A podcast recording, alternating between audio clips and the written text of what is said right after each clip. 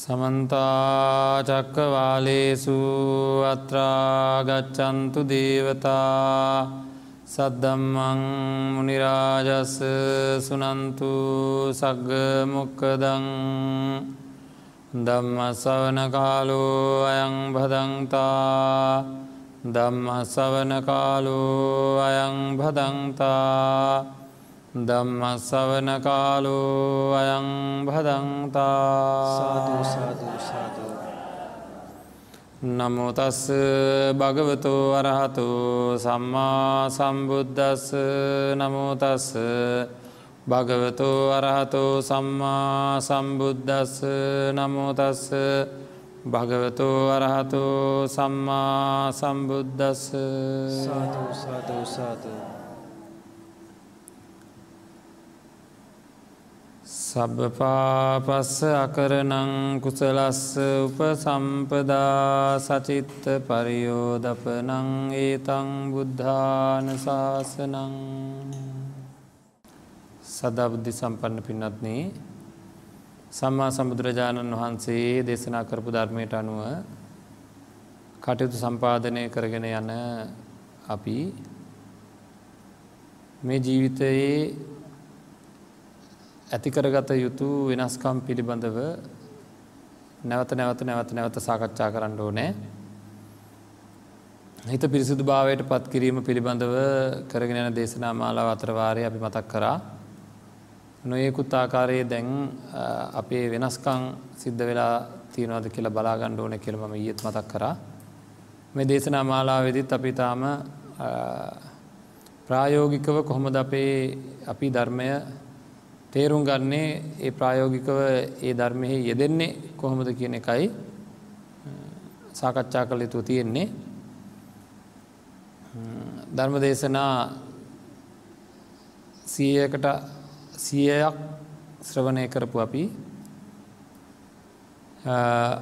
නැවතවාරයක් හැරල බලන්ඩෝ නෑ ඊයේ දවසේ අපි මතක් කරා කායකර්ම වාකර්ම මනෝකර්ම පිරිසිදු කර ගණ්ඩෝනෑ ඕන කරන කියන විදිහ.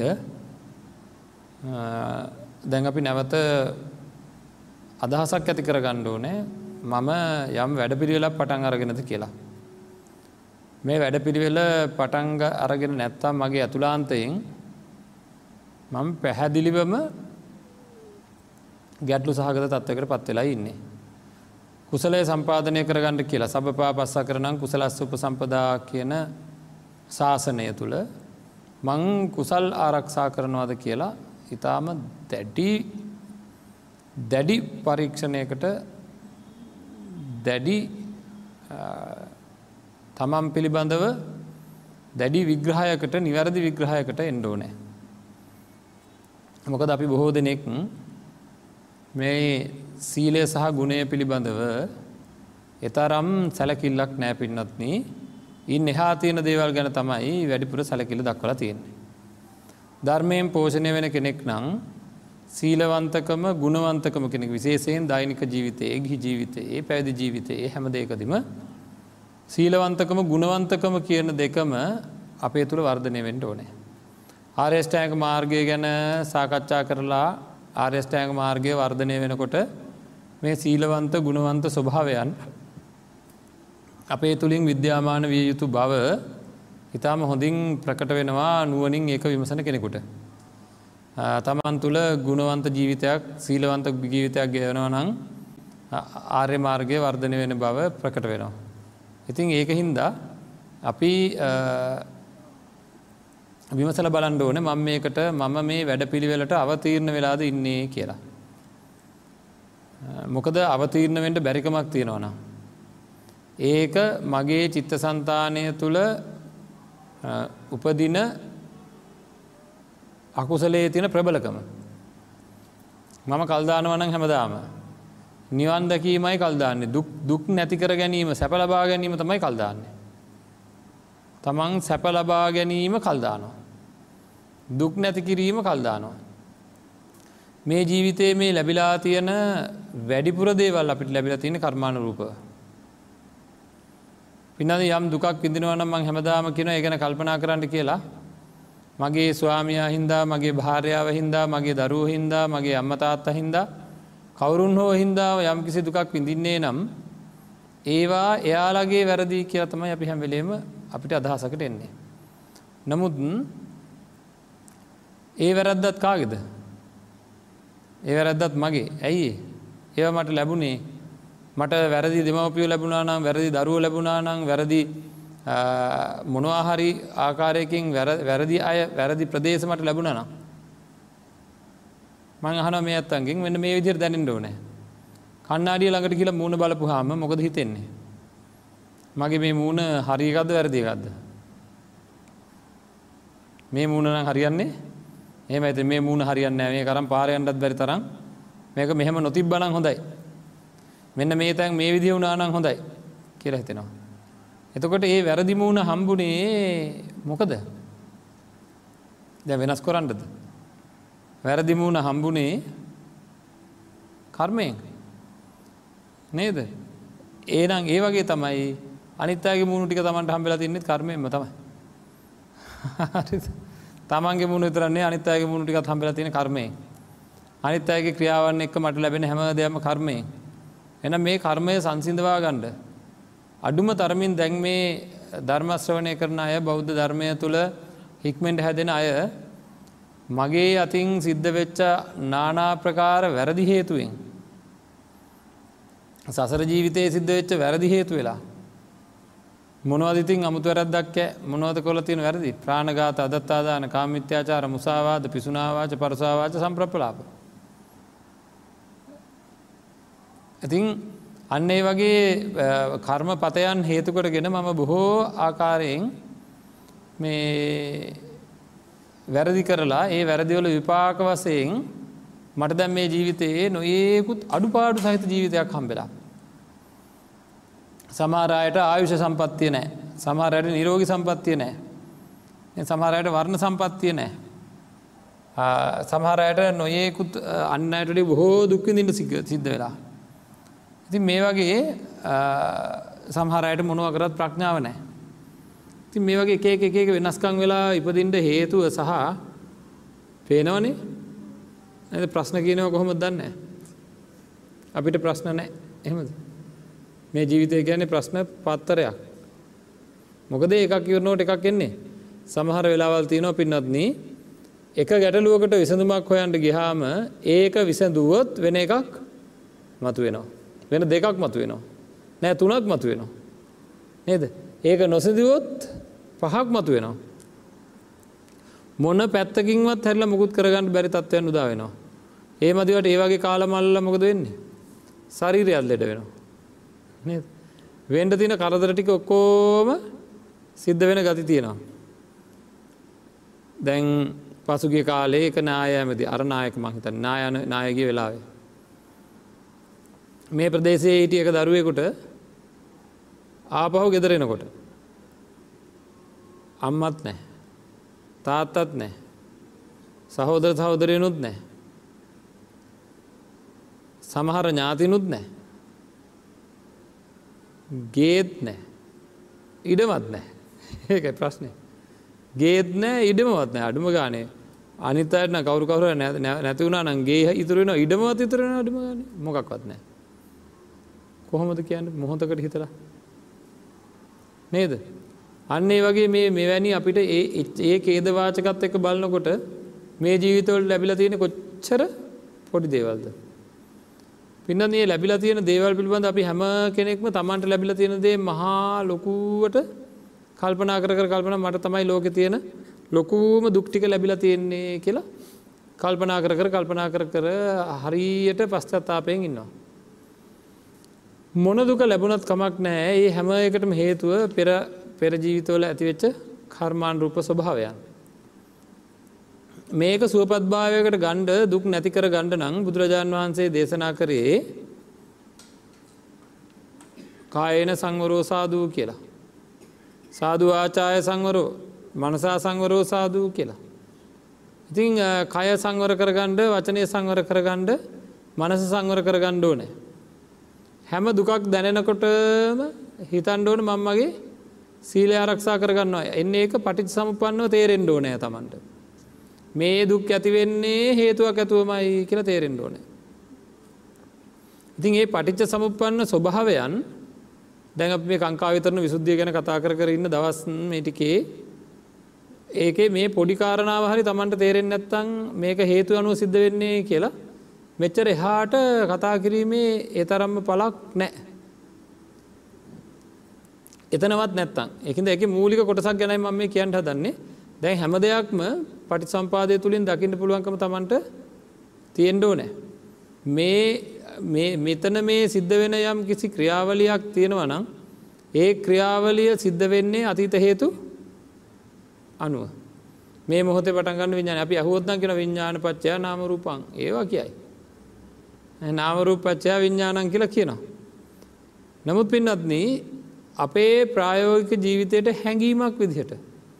චේතනාවක් විදිහට හැම නිමේසයකම කර්මඵල පිළිබඳව දැනෙන ගතියක් අපේ සන්තානයෙන් උප දින්ඩෝනෑ දැම්ම මෙහම කන එක හරිට මෙ මේ වගේ වෙන්ඩෝනෑ ලිස්සන තැනකින් ඇවිදගෙන ගියා පරිස්සමෙන් ගිය නෑ. ලිස්සල වැටුණා. හරි. දැන් අතක්කගුලක් කැඩුණා. දැන් කවුර ඇවෙල්ලා අහපු ගමන් මොකද කියන්නේ? මට එතනදි පොඩ්ඩක් පරිසාමෙන්ට බැරුණානේ මට එතනදි පොඩ්ඩක් පරිසාමෙන්ට බැරුණානේ නේද? පොඩි පොඩි පොඩ්ඩ පරිසංගුණන මට මේක වෙන්න ඇනේ කියලා අපිට ලොකු අදහසක් ඇති වෙනවා. අන්න ඒ වගේ මට පරිසංවෙන්ට බැරිවෙච්ච හිද මගේ අතින් කර්මයන් සිද්ධ වෙච්ච හින්ද අතීත පාපකර්මයන් සිද්ධ වෙච්ච හින්දමයි මට මේ දුක් ලැබෙන්නේ කියලා අපිට හැම වෙලේම දැනෙනවද කියලා අහල බලන්ට හිතේ. නිකංවත් හුඟා කලාවට මොකද කරන්නේ. තමන්ට දුක් පීඩායනකොට හුඟක් වෙලාවට බැන්න කෙනෙක් ඉන්නවනං ගහපු කෙනෙක් ඉන්නවනං වෛර කරන කෙනෙක් ඉන්නවනං ඒ අය කෙරෙහි මොකක්ද ඇති වෙන්නේ. තද්ද බල දේශයක් ඇති වෙන පින්නන්නේ. තද බල දේශයක් ඇති වෙන ඇවිතරන්නේ ඒ පැත්තට එකේව කරන්න හදනවා. ඒ පැත්තෙන් පලිගණ්ඩ හදනවා. දෙස්තේවල් තියෙනවා මට මගේ නිදහස් ජීවිතයේ තියාගන්න දෙන්න ඇකිල කෑගහනවා. නේද? ඉතින් අන්න ඒක නෙවේ විය යුත්තේ මේ දේවල් මට ලැබෙන්නේ සමහරයට හරියට නොකරපු දේවල්වට දඩුවල් ලැබෙන පින්නත්න්නේ. මේ ළඟදී එක තැනැත්තෙක් මට කියෙන මම යාළුවෙක් එක්ක විශ්වාස කරගෙන කටයුතු කරා ගොඩාක් සාධාරණව කටයුතු කර අපි මේ යම් ව්‍යාපාරයක් සිද්ධ කරගෙන ගිය නමුත් අනුන්ගේ ණය මට දැන් ගෙවන්ඩ වෙලා ලක්ෂ දහයක් පහලවක විතර නයක් තියලා යමක් වංචා කරලා මේ කට්ටිය පැනගත්තා කියලා. දැම්මට කරන්න දෙයක් නෑ මට දැන් අනුන්ගේ නයක් ගෙවන්ඩ වෙලා තියෙනවා කියලා ලොකූ පීඩනයකින් හිටිය.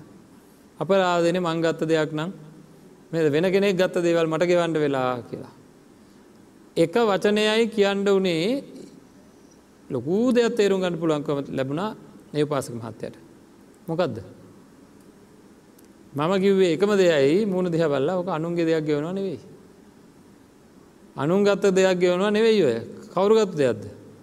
තමන් ගත්ත දෙයක් එතකට මගේ මුණ දිහ බැලවා. තමන් ගත්ත දෙයක් ගෙවනවා කියලා. මොකෝ? මංගත්ත නෑන හමුදුර මන්න වෙන මේ කරේ. මට ඒකමයි වේදනාව. මංගත්ත දෙයන්න මට කිසිව ප්‍රශ්නයන්න. මංගව කිසිම ප්‍රශ්නයක් නැත්තම් ප්‍රශ්නයන්න තමයි. මේක වරද්දගෙන තියෙන්නේ. මේ තමන් ගත්ත දෙයක් තමයි ගෙවන්නේ. කවදද.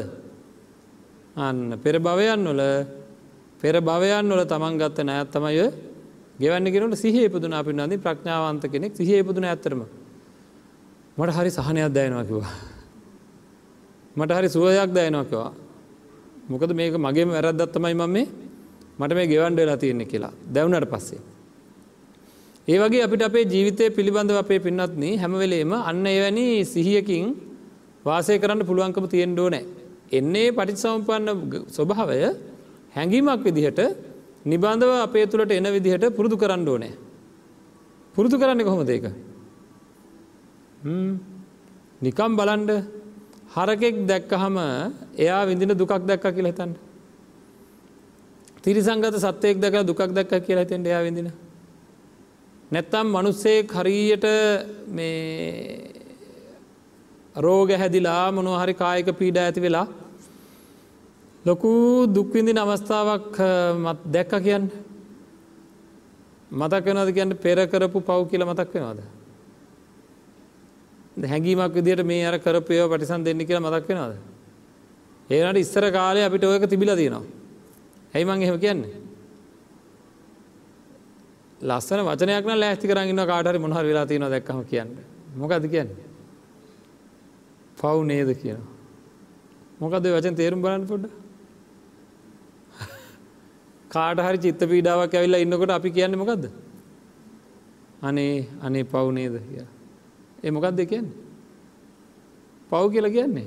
පව් කියන්නේ අකුසල් කරපු අකුසල් කියලා නේද පව් කරපු පව් කියන එකේ. එනම් ඉස්සර අපේ ව්‍යවහාරය තිබ්බ එක දැන් වචනයට විතර සීම වෙලා නේද. හැඟීමක් එන්නේ. ආන්ගේ පවුනේද කියන වචනය පව් පව් තමයි. ඔවු පව් තමයි. කියලා ඒ පාපයන් කියන හැඟීමාවනම් පාපයන් නේද. පව් නේද කියන්න ඇතු යන්න එහෙම කිවන හොඳ හොඳට වැටෙනවා. ඕන දෙකට නේද ඕක කරන්න එපා පව් කියල අපි කියනවා. ඕ කරන්න එපා පව් නේද ආයක තමයි ඕක කරන්න එපා පාපයක් කිවන ලේසි. ඒ වගේ අපේ හිතර දැනෙන්ඩෝ නෑ මේක පාපයක් කියලා. හැම්වෙලේම මේ පාපයක විපාක මේ කරන්න යනදේ පාපය කියලා අපිට දැනෙනවනම් හැම නිමේශයකම. මේ පාපය මට පරිසන් දෙනවා කියලා දැනෙනවනම්. කරන දේ විපාකමට අනි වාරයකොට ලැබෙනවා කියලා දැනෙනවනම් ඔන්න කර්මඵල විශ්වාසය පිළිබඳ කර්මඵල පිළිබඳ පටිච්ච සමුපන්න හැඟීමක් තමන්ළඟ තියෙනවා. මේක තියෙනවනම් කොච්චර පහසුද කියලා බලන්ට පින්නත්න ඉතින් මේ දැන් අපි බොහෝ දෙවල් කතා කරානේ පටි සම්පාදය පිළිබඳව ඉතින් එහෙමන දැන් පටිත් සම්පන්න හැඟීම තමල්ලඟ තියෙනවද කියලා බලන්ඩෝ නෑ තියෙනවන කොච්චර පහසුද කියල බන්ට ජීවිතේ බුදුරජාණන් වහන්සේ දේශනා කරපු එක දෙයක්. තමන්ගේ ජීවිතය නිබදව එකතු වෙලා තියෙනවා නම් ලොකු පහසු කන්තියනව පින්නන්නේ අපිට අපේ ජීවිතය ගෙවන්න. මේ බලන්න. ඔන්න කෙනෙක් අපිට ගොඩාක් වැරදි කරනවා. උන්හර ලොකු වැරදක් අපිට කරනවා අසාධාරණ විදිහට. අපි නඩුවක් දානවා. ඇයි අපි නඩුවත්දාන්න අපිතම අපිට දැන්ගේ වැරදය කරල වරයි නමුත් ලොකු වැරදක් කල අපි නඩුවත්දානවා. නඩුවෙන් එයට දඩුවමක් හම්බෙනවා. අපිට මොකක්ද ඇති වෙන්නේ. සතුටත්ද දුකක්ද. අපිට වැරදි කරපු කෙනාට නඩුවෙන් මොකක් හරි දනුවමක් හම්බුණා. සාමාන්‍යයෙන් ඇතිවෙන මොකක්ද. සතුටක් ඇතිවෙනවා හරි. හොඳයි නඩුවෙන් එයාට කිසිම වැරද කිසිම දඩුම කම්බෙන්නේ දැ මට ගොඩාක් වැරදි කරලා. එයාට උසාවියෙන් කිසිම දඩුවමක් කම්බෙන්නේ දැම්මකත් හිතෙන්නේ. නේද? මෙච්චර වැරදි කරලා දඩුවමක් නෑ වැරදි කරලා දඩුවමක් නෑ මොකක් දෙක තේරුම? නද? මොකක්ද ඒක තේරුම? වැරදි කරනයට දඩුවන් නෑ කියන විශ්වාසයක් මගලඟ තියෙනවා එකන්නේ. ඇයි අමතකුණාද වැරදි කරනයට දඩුවන් තියෙනවා. නේද? විපාක තියෙනවා කියෙන අමතකුණා කියන එකයි. මේ බලන්න මෙන්න මෙහෙමත් පින්නත්න දැන් ඉතින් තාක්ෂණක විද්‍යා දියුණලා යන කාලන තමන්ගේ වාහනේ තමන් යනකොට කොතනද යන්නේ මෙන්න මෙතරින් හරවන්ට මෙතරින් හරවන්ට කියල පවා කියන කාලනේ හොඳයි අප හිතමු ඔය වගේ ක්‍රමවේදයක් හැදුව කියලා දැන් ඔය දියුන් රටවල්ලම තියෙන නේද. පාරය යනකොට වැරදි කරපුහම ගෙදෙට්ට තමයි දර කොල එන්නේ. බලපු කෙනෙක් නෑ හොයාගණ්ඩ. නේද. එහෙමලු නෙව තියෙන්නේ. එතකොට අන්න එහෙම යම් කිසි ක්‍රමයක් හදල මොකක් හරි තාක්ෂණයක් භාවිතා කරලා පාරුස වචනයක් හරි කිවොත් කාට හරි. හිස් වචනයක් හරි කිව්වොත්.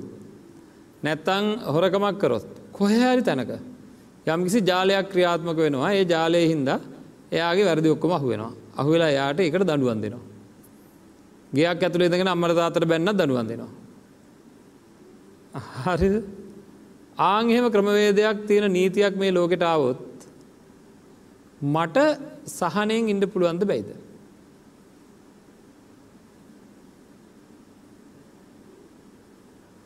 නේද.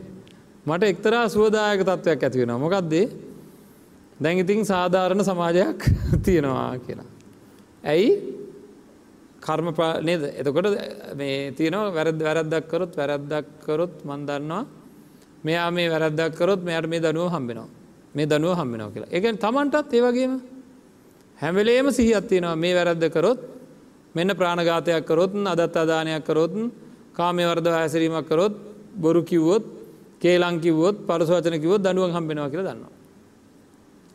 අරකිව වගේ වැරදි කරනයට සහනකින්ටත් බෑ. නමුත් යහපත් මිනිසුන්ටත් සහනයක් තියෙනවා හිත්වල. මේ සමාජයේ නද? කරන වැරදිවලට දඩුවමත් තියෙනවා කියල අපි දඩුවන් දෙට යන්න ඇතකොට එදනුව හම්බෙන කියල දන්න අන්නේ වගේ අපිට හැම නිමේෂයකම දැනෙනවා නං කරපු කියපු දේවල් වලට දඩුවන් තියෙනවා කියලා. කරන කියන දේවල්ලට දඩුවන් තියෙනවා කියලා දැනෙනවනම් පින්නත්න්නේ හිතන්ට පුළුවන්ද හැම්බෙලෙම දැනෙනවන්න තමන්ගේ හිතට. උපේක්ෂාවක හිත වැටනවද නැද්ද. නේද. ඒක දැනවනම් උපේක්ෂාවක් හිත වැටනවා. කවුර අපට දරුණු විදියට හිංසා පීඩා කරනකොට පවා අනුකම්පාවක් ඇතිවට තිනට කඩත් තියෙන ම බාහු බලයොදලා හරියම්භ කරගෙන නිවෑරදි ජීවිතයක් සද්ධා සම්පන්නව බුදුරජාණන් වන්සගේ ධර්මය තුළ කර්මඵල විශ්වාස කරගෙන ජීවත්වෙන කෙනෙක්. මට මේ වගේවා කිරීමෙන් මේ තැනැත්තාට මෙන්න මේ වගේ ප්‍රතිවිපාක ලැබෙනවාය කියලා දැඩි වැරදි කරන කෙනා කරෙහි පවා දැඩි අනුකම්පාවක් ඇතිවති නිරකට ගොඩාක් වැඩි. ඒහිද මේක හැම නිමේෂයකම අන්න එහෙම දැනෙනවා නම් කොච්චර වෙනසක් වෙනව අපේ ජීවිතේ.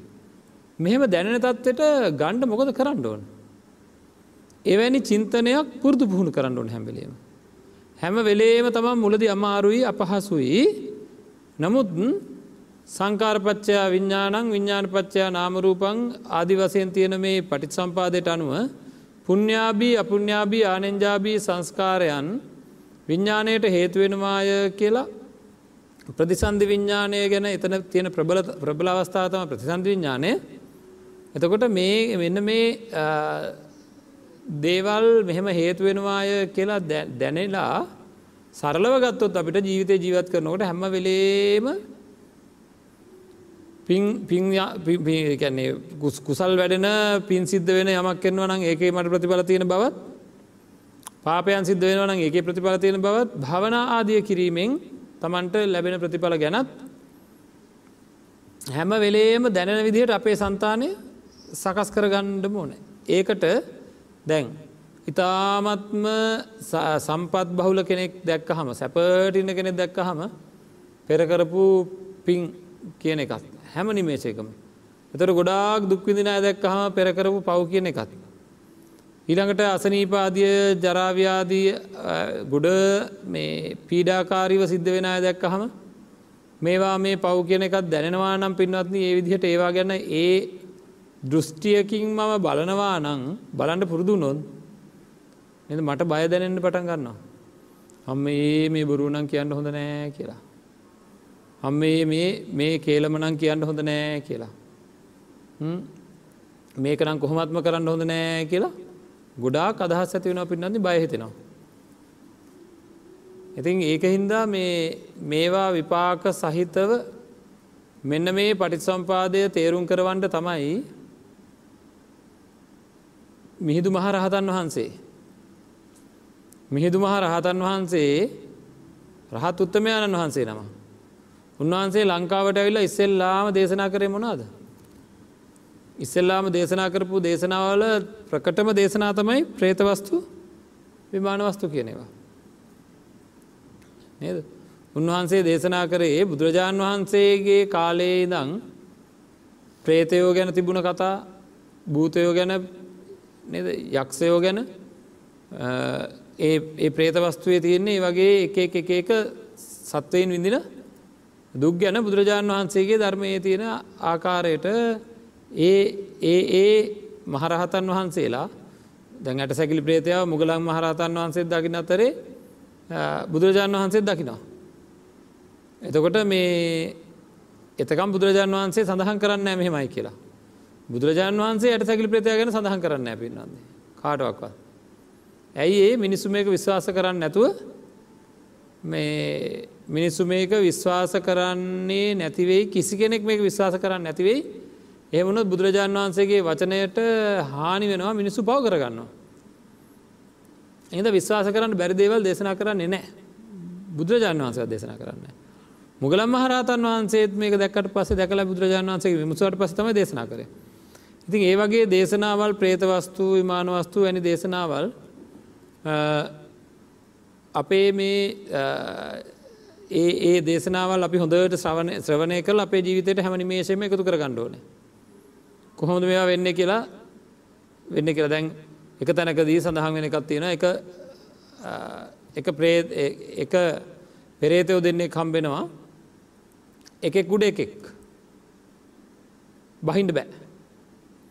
උඩ ඉන්න කාගේ බල උඩ ඉන්න එකගෙන් හල බලන්නකොට මේ මොකද මේ කෙළයාගේ එයා ගැන හොල බලන්නකොට ඒක සඳහන් වෙන්නේ දංවට හොරෙන් කාලා හරි දංවට හොරෙන් කාපු හිද තමයි යාට එහෙම වෙලා තියෙන.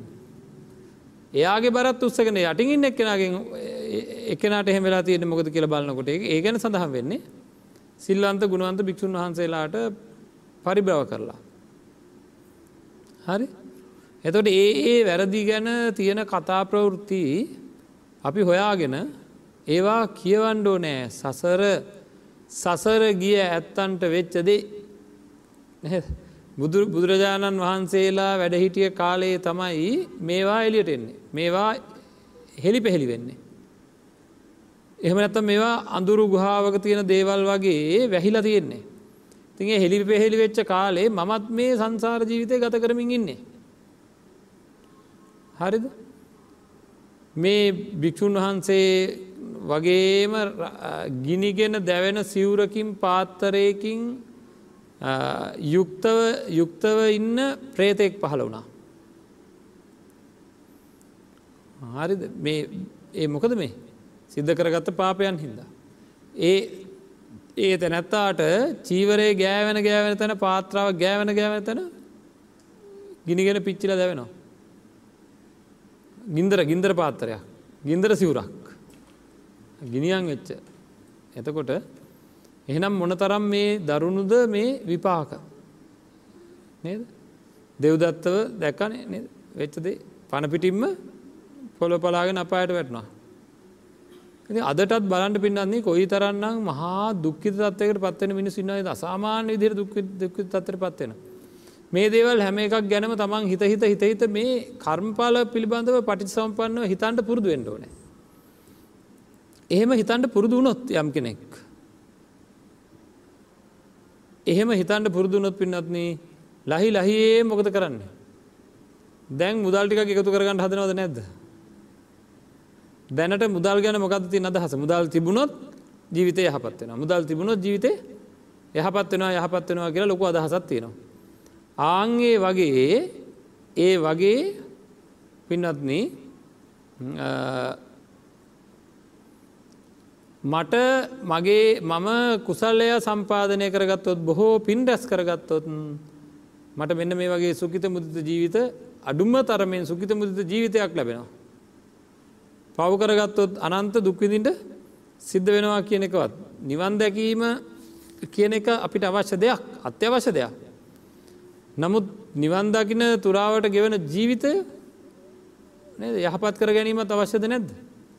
ගොඩක්ම අවශ්‍යයි. ඉතින් අන්න ඒක දැනගත් ඇත්තෝ මේ ගැන කරුණු කාරණ හොල බලන්න පින්නන්නේ. මේ ගැන බන් ලොකූ දෙයක් මතක් කරන්න ඕන. එක බ්‍රහ්මණයෙක් ගේල බුදුරජාන් වහන්සේෙන් අහනවා කූට දත්ත කියන බ්‍රහ්මණයා ලොකූම පිනක් කරගන්න විදිහක් කියන්න කියලා. එතකොට දේශනාවේ සඳහන් වෙන්නේ සාංගික දානයක් දෙන්න කියලා. ඊටත් වැඩි පිනක් කරගන්න විදිහක් අහන. සංඝාවාසය කදල පූජා කරන්න කියලා. ඊටත් වැඩිය පිනක් කරගන්න කොහොමද කියලාහන. ගුණ දැන පැහැදිලා තෙරුවන් සරණයන්න කියලා. ඊටත් වැඩිය පිනක් කරගන්න කොහොමද පංච සීලය ආරක්ෂා කරන්න කිය. හරි ඉති මේවා දැනගත් අය ඉළඟට මේ වගේ බොහෝ පින්කරගත් අය ගැන දෙවියන්ගෙන් පිහිට ආරක්ෂා ලබනවා කියල සඳහන් කළ තියෙන ඒ පින් අනුමෝදන් කිරීමේ. ඉති මේ වගේ දැනගත් අය මොකද කරන්න ඕන තමන්ට කර්මඵල පිළිබඳ විශ්වාසයක් තියෙනව නං ඒ ජීවිතයේ ගෙවෙන විදිහත් තියෙනවා. ම මෙච්චර දෙවල් කිව්වේ මෙන්න මේටික හැදිලද කියලා අද පොඩ්ඩක් බලාගන්න ඕන හිද. අද පොඩ්ඩක් මෙන්න මේටික හැදිලති කියලා බලාගන්න ඕන හිද දැඟතින් ගොඩක් බනහන හිද. බොහෝ බෞද්ධ අපිට හරි ලොකු චෝදනාවත්තින පින්නන්නේ. ඒ තියෙන ලොකුම චෝදනාව තමයි සිල්වන්ත නෑ ගුණවන්ත නෑ කියලා. සිල්වන්තකම ගුණවන්තකමේ අඩුවත් තියෙනවා කියලා. ඒකද මම මේ අත්තන්ට පුංචි උපදෙසත් දෙෙන්ට යන්නේ. ඇත්තටම අදහැන් දෑවේ බුදුරජාණන් වහන්සේ හම්බුණොත් තමන්ට. ඔය ගෙවන ජීවිතයට මොනවා කියයිද.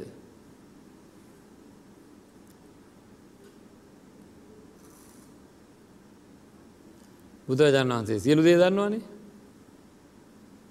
නේද කොරපු වැරදිත් දන්නවා කොරන්ඩින්න වැරදිත් දන්න ඔක්කොම දන්නවා.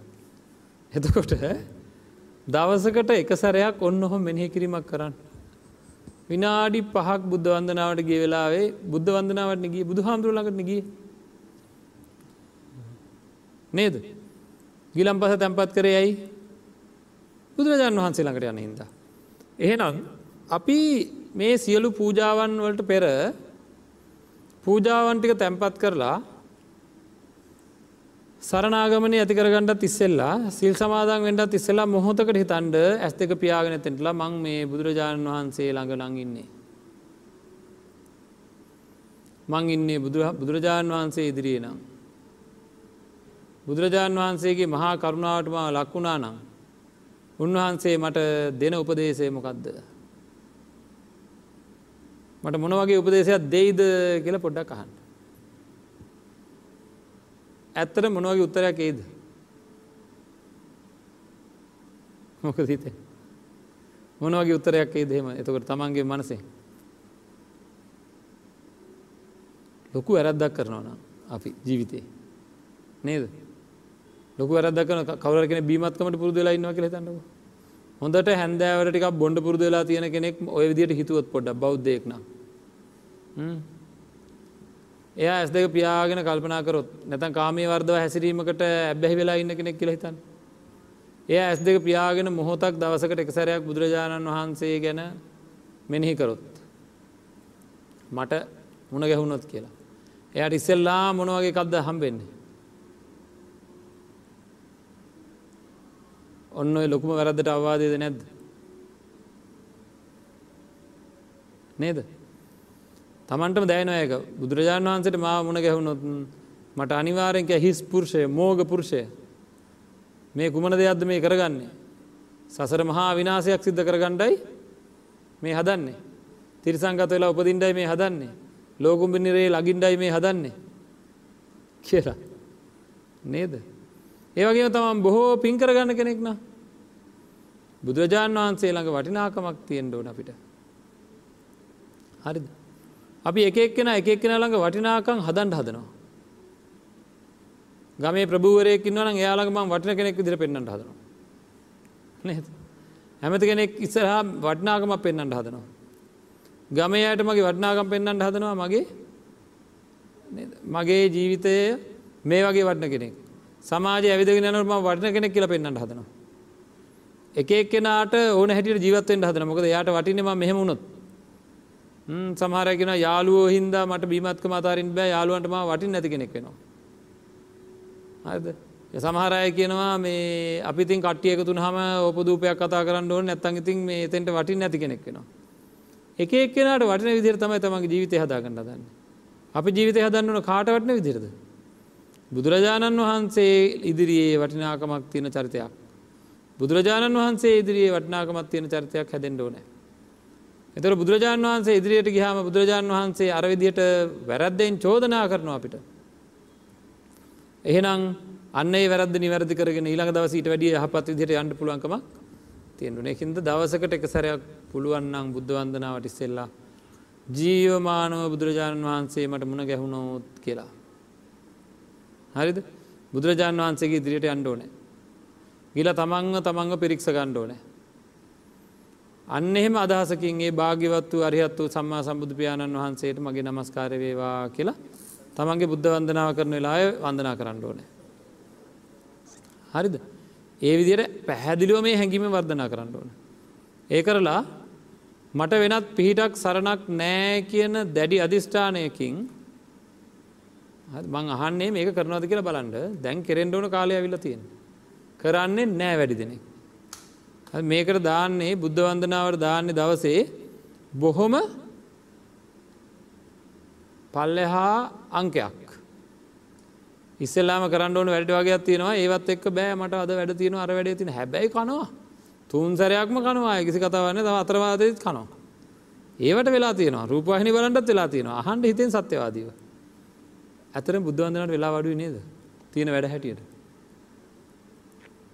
බුදුන් වන්දිට දවස වෙලා මදි නේද.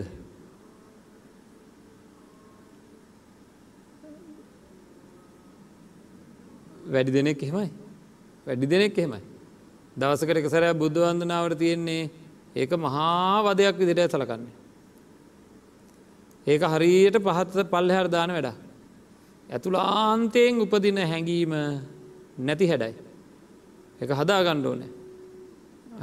හැම බුද්ධ වන්දනාවකම තමන් දැඩී හැඟීමකින් පින්වත්නි කර්ම පලය දන්න චේතනාවේ තියෙන යහපත් චේතනාව තියෙන ප්‍රතිඵලය දන්න බෞද්ධත්ව විදිහට ඉතා දැඩි හැඟීමකින් බුද්ධං සරණංගච්ඡාමි ධම්මං සරණංගච්ඡාමි සංගං සරණංගච්ඡාමි කියල කියනකොට බුදුරජාණන් වහන්සේටම වගේ ජීවිතය පූජා කරලා තියෙන්නේ ඒ සරණ පිහිට ඇරෙන්ට මට වෙනත් පිහිටක් සරණක් නෑ කියලා දැඩී හැඟීමත් තියෙන්ට ඕන. එකට බුදුගුණ දැල්ලා තියෙන්ට ඕනෑ.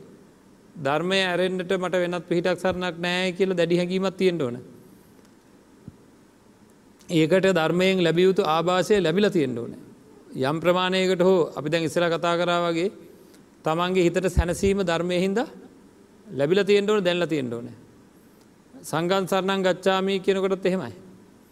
එහම දැඩි හැඟීමක් තියෙන්ටනු මහා සංගරත්නය කියලා ඒ සඟගුණ මෙනෙහි කරලා හැම හැදිල තියෙන්ට ඕන එක. ආංගේ විදියට මමත් මේ මේ තෙරුවන් සරණ මම යනවා අතීතයේ බොහෝ දෙනා නිවුනේ මේ සරණ ගිහිල්ලා මේක තුළින් මංමගේ ජීවිතය සකස් කර ගණ්ඩෝ නෑ කියලා අති ප්‍රබල හැඟීමකින් තමයි තෙරුවන් සරණයන්ට ඕන. සංඝයා වහන්සේ තෙරුවන් සරණාගමනය සිද්ධ කරපු හාම උන්වහන්සේම කියනවා සරණාගමනන් සම්පූර්ණන් කියලා. තකට හෙමයි ස්වාමීණී ඔවු ඒක සම්පූර්ණයි. නෑ මෝකවත් නෑ හරි සමාරයමකත කරන්න. උන්වහන්සේක නුත් අහනවා සරණාගමනන් සම්පූර්ණ කියලා. නේද? ඉතින් මේ එහෙමයි ස්වාමීනි ආම්බන්තේ කියලා කියන්නේ කියනකොට හැඟීමෙන් කියන්න මේ කියන ඔහෙ මොකක් කර කියලා දානවා. නේද? ඉතින් එහෙම නැතුව මේ ඒක හිතා හැඟීමෙන් සරණාගමනය සිද්ධ කරගෙන ඊයේ පෙරේදා ඊට ඉස්සෙල්ල දවස්වල මගේ අතින් සිල් සමාදන් වනාට පස්සේ කොයි වෙලාවක් හරි මීට පෙර සිල් සමාදන් වුණාට පස්සේ මගේ අතින් සීලය කැඩුනාය. හරි මගේ අතින් සීලය කැඩුනාය. අන්න ඒ කැඩුන සීලය මම නැවත සමාදන් වෙනවාය කියලා මෙන්න මේ ප්‍රාණගාතය මන් සිද්ධ කරන්නේ නෑ අදත් අදානය සිද්ධ කරන්නේ නෑ කාමය වර්දව හැසිරීම සිද්ධ කරන්නේ නෑ බොරුකීම සිද්ධ කරන්නේ කියලා සුරාපානය සිද්ධ කරන්නේ නෑ කියලා දැඩි අධිෂ්ඨානයකින් නැවත සමාදම් වෙනවා. දවසකට එකවතාව. බෞද්ධ ඇත්තා ඔන්න විදිර දවසකට එක සර එකවතාවක් නැවත පිරිසුදු කර නැවද පිරිසුදු කර සිල් සමාදම් වෙන්න ඕන. හරිද? නැවත පිවංගුඩ වතවක් සිහිය වැඩෙන හැටි වීරය වැඩෙන හැටි ඉවසේම් වැඩෙන හැටි අධිෂ්ඨාන ශක්තිය වැඩෙන හැටි තමන්ගේ ජීවිතය වෙනස් වෙන හැටි දෙවියන්ගෙන් පිහිට ආරක්ෂාව ලැබෙන හැටි මේ ආකාරයට කරන අයගෙන් දිගට පන්සිල් සමාදන් වෙලා නැත්තම් බුද්ධ වන්දනාවට දිගට වෙලාවක් නැත්තං කෙනෙකුට. නෑම කියනව කියන්නක වෙලා නෑම කියන්නක හා කියමුක මේ අඩුම ගාන කණ්ඩවත් වෙලා නැති කෙනෙක් ඉන්නවන. හෙමත් අයින්න ලාවට නේද? මැරෙන්ටත් වෙලා නෑ යාලට. මරණයටත් වෙලාවන්නෑ ඉතින් ඒ එච්චර අමාරු තත්වයක් තියෙනවන අඩුම ගාන ඔටික හරි කරන්න ඕන. හරිද? නිවැරදිව පිරිසිදු තැනක් සකස් කරගන්න ඕන බුද්ධ වන්දනාවට. නිවසේ. ඒ තැන සකස් කරගෙන එතන මල් පහන් ආදිය තියලා අනිතක මේ හුඟාක් අය මොකද මේ කරන්නේ මේක තවත් එක කටයුත්තක් විතරයි. වැඩට යන් ඉස්සල තාත්තල හුඟක් අය උදේ කෑ ගහන ඇතනිඳලා මේ අර හඳුකුර කතයෙන් තියන්ට පහන පත්තු කරන්න මල්ටිකත්තියන්ට කියලක තමන්ගේ අතින් කරන්න ඕන දේව. ඒකෙන් කොටස කනුන්ට කියල කොරනවා. හරි ඉතින් ඒවා කල ඒ ඔක්කොම කල අර ඔක්කෝ වැඩ රාජකාරි කරනකම දුවගෙන එතෙන්ට ඇල්ලා බුද්ධ සනකචය දම සනකචය සංගසනගච්ඡාම පානති පතා වේරමණය කියලා. අර ඉතින් කතා මොකක්දර මන්තරය කියවන වගේ කියවල යනවා. එතුර පොඩි මේ විශ්වාස ඇතින හිතේ මොකක්ද ඔන්න බුදු හාන්දුරනේ මං මල් තිබ්බා පහන් තිබ්බා. අද ගාථාව කිව්වා. මට කරදරයක් එහෙම කරනවා නෙවෙයි. කරදර වලක් කොල දෙට වගේ අදහසකින් මේ. එක තමන්ගේ යහපත සඳහා නෙවේ කරන්න. හරි. මේ ආකල්පයෙන් අයින් වෙලා බුද්ධ වන්දනාව නිවැරදිව කරන්න සිල් සමාදම් වෙන්ඩ දවසකට සැරය. ඔය ටික ඉතිරි ඔය ටික හරියට කරනවන ඉතිරිටික කරේ. බයවෙන්ඩ පා ඉතිරිටික කරනවා. හැම වෙලේ උත්සාහයක් තිරන තමන්ගේ අතින් කැඩන කැඩන සීලය නැවත පිරිසුදු කරන්න නැවත පිරිසුදු කරන්න නැවත පිරිසුදු කරන්න ඕන කියලා බයවෙන්ඩ එපා ඒ විදියට පිරිසුදු කර කර දවසකට එකවතාවක් පුළුවන්නන් දෙවතාවක් පුළුවන්නන් තුන්වතාවක් මං එහෙම කියන්නේ නිවසකින්න කෙනෙකුටන පුළුවන් එහෙම. සාමාන්‍ය කෙනා දෛනික පුරුද්ධක් කරගන්න ඕනෑ සිල් පිරික්සලා. තමන්ගේ සීලය පිරික්සලා නැවත නැවත සමාදන්ෙන්ට නැවත නැවත සමාදන්ෙන්ට දවස් තුනක් යනකට හිතේ ප්‍රීති ඔබදන්න පටන් ගන්න. හරි හොඳ බුද්ධවන්දනාවක් ආරම්භ කරන්න.